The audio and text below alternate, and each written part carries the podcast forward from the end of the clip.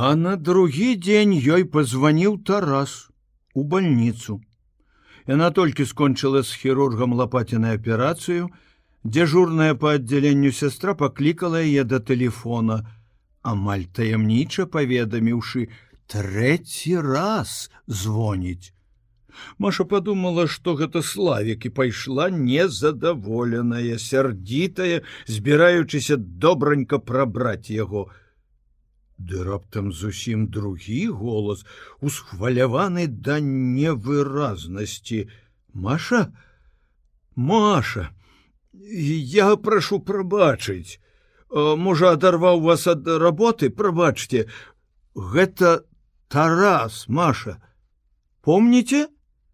ну ганчароў яна павіталася сур'ёзна стрымана добрый дзень тарас ён ажно засмяяўся ад радасці што яна помніць яго добрый дзень добрый дзень маша вы прабачце і раптам выпаліў на адным дыханні Я запрашаю вас на канцэрт дзяржаўнай капелы ў клуб Леніна сёння 8.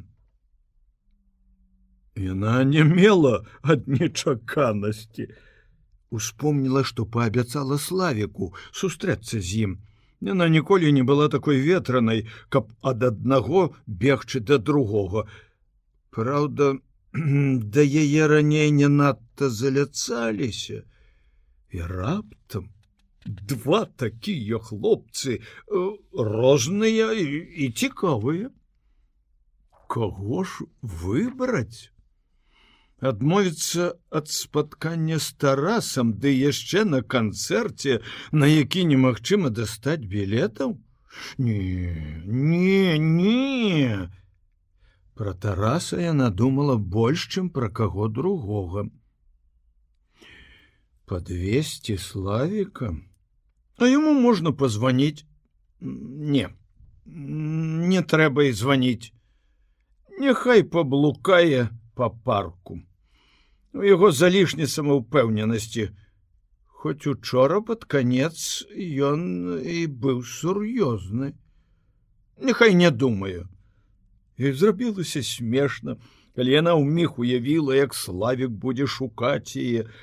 Два дні учора і сёння быццам нейкі вясёлы чорцік штурхаў яе на гарэзлівыя ўчынкі пакуль мільгалі гэтыя думкі яна чула як цяжка дыхаў слухаўку тарас хвалюецца! Няўжо хвалюецца? адказала весело гучна. Дзякую тарас! Я з прыемнасцю пайду з вами дзе мы сустрэнемся? Ён задыхнуўся ад шчасця, дзе хочаце. На пераходным мосце, а палове восьмай. Добра. Яна паклала слухаўку і вясёлымі вачамі пераможца, агледзела сваіх калег маладога лекара дзвюх сясцёр. Хто гэты тарас? спытала адна старэйшая замужняя і незадаволеная сваім замужжам ярашаў сын антона кузьміча о нішто сабе цэліш правильно. Маша засмяялася яна напэўна зарагатала б каб ведала что адбылося на заводзе Славік з'явіўся на працу такі шчаслівы, нібы за ноч ён засвоіў усе таямніцы зборкі і заняў месца брыгадзіра ну, ці нават начальніка цеха. Да гудка частаваў хлопцаў казьбекам. Ого, ці не атрымаў ты спадчыну, пажартаваў костя. Славік кінуў тарасу між іншым. Табе привет от кого отгадай что мне гадать ад машы! От той а той дзе ты я бачыў сустрэў на вуліцы она пыталася про цябе Ён не склусіў. Маша сапраўды пыталася ў яго пра тараса. Костя адразу ж, як толькі адышлі ў бок, накінуўся на свайго брыгадзіра, ну што? Не казаў я табе, а ты вось. Ён моцна і злосна стукнуў сябе кулаком в лоб. Я ж бачыў, што яна не зводзіла з цябе вачэй. Дагэтуль не сустрэцца, аблавуха, яшчэ в арміі служыў. Памрэш ты халасцяком. Тарас не крыўдзіўся і не адбіваўся. Ён думаў пра машу. Яму вельмі хацелася сустрэцца, але як гэта зрабіць? Ведаю, што не адставаў між тым костя. Я даю табе свой білет на сённяшні канцэрт. Запрасі яе. Як? У двадцатым стагоддзі існуе телефон майстар. Калі ты боишься, я позвоню от твайго імя. Рэдка калі Тарас адрываўся ад работы, а то раптам знік да обеду на добрыя паўгадзіны. У яго як у намесніка сакратара быў другі ключ ад пакоя камітэта камсамола подпільнаваўшы калі сакратар пайшоў на чарговую нараду ў райкам ён нырнуў у пакой можа десять разоў падымаў телефонную слухаўку і клаў назад часам набраўшы тры лічбы з чатырох па-першае баяўся наскочыць на бацьку кніжка і даведачная станцыя паведамлялі той жа нумар па якім ён званіў ярашу.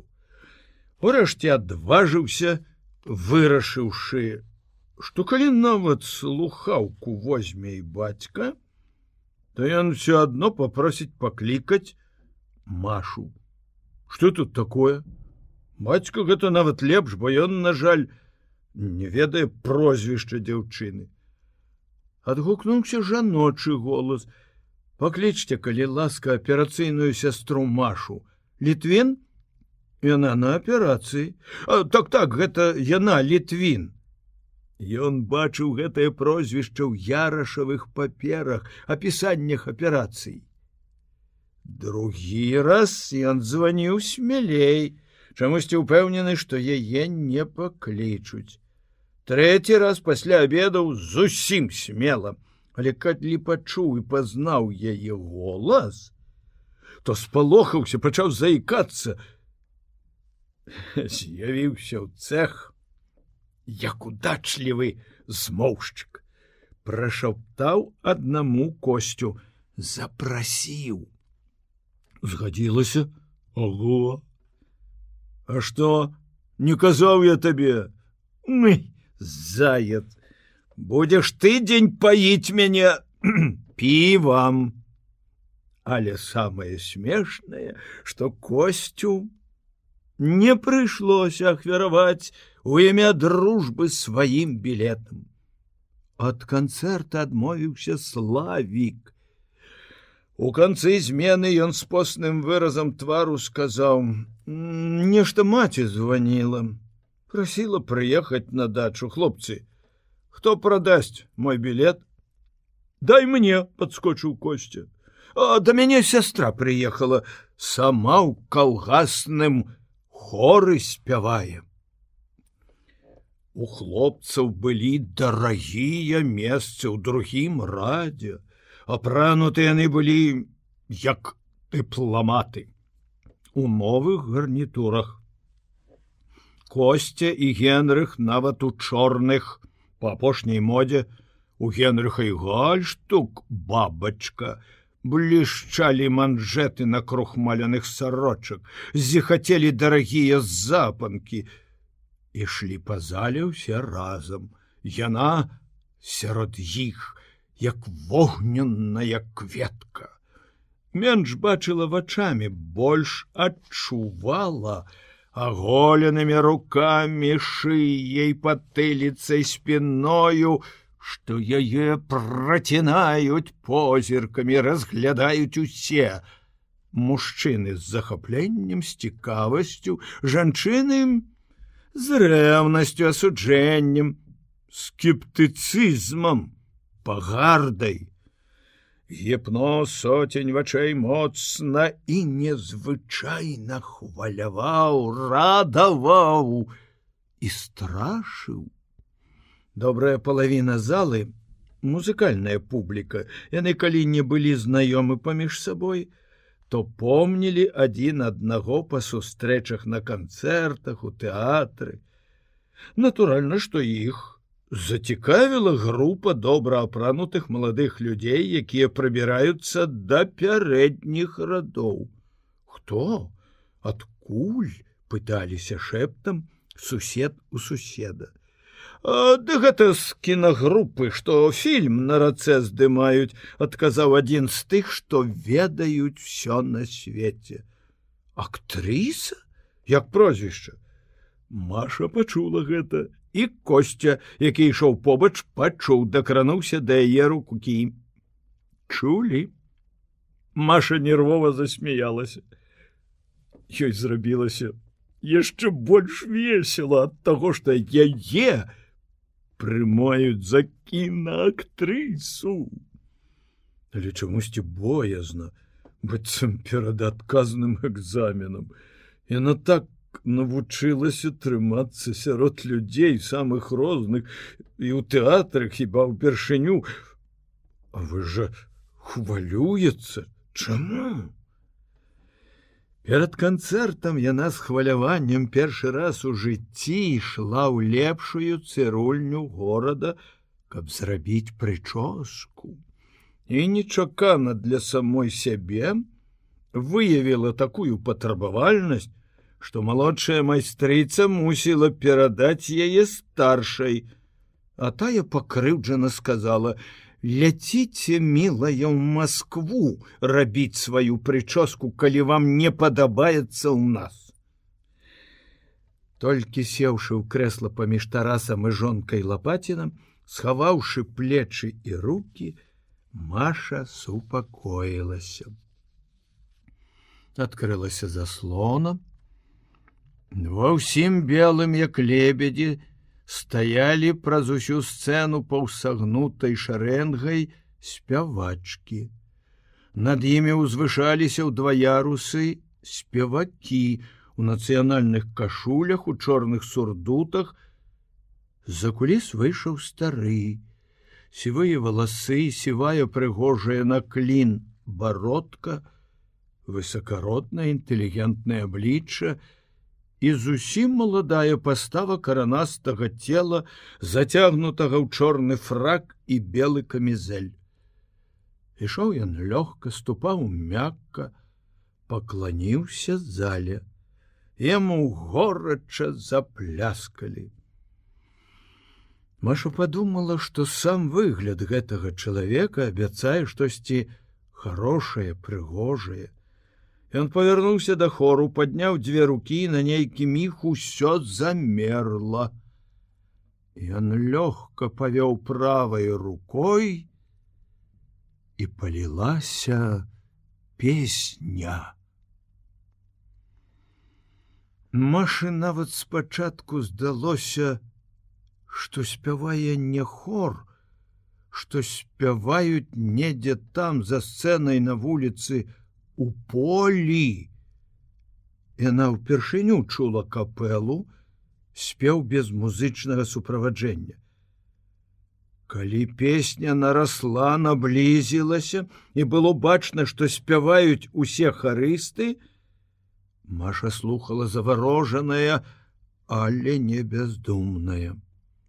Думкі ляцелі як іскры, то по адной то роем згасалі адны успыхвалі другія то вясёлыя яна вспомнила славіка то сумныя і яна не бачыла сцэны хору а праз затуманены зрок убачыла маці. Вось яна вярнуўшыся з калгаснага поля гне спіну на сваім гародзе бясконцаў працы. На нейкі момант дзяўчыне стала сорамна, што яна заплаціла гэтулькі за сваю шыкоўную прычоску. Маці жахнулася б, каб даведалася, што яна столькі плаціць за такую непатрэбшчыну, якая пані, рыжоцце такое, Заўтра я пашлю вам грошы слаўныя мае, звярталася яна да маці і малодшых сястры і брата. Не крыўдуйце на мяне, я добрая. Я люблю вас. Потым падумала, што яна разумее рухі гэтага дзівоснага чалавека на сцэне. Яны, як у яраша такія дакладныя. Один неправільны рух одна памылка і смерть. Там чалавеку тут песні. Бачылі які чарадзей нахіліўся да яе тарас? А? Але яна ўдзячна паклала сваю руку на яго а яна тут жа з новай песняй забылася на гэта, а ён баяўся паварушыцца. Ён нічога не чуў і нічога не бачыў, толькі адчуваў яе халаднаватую руку.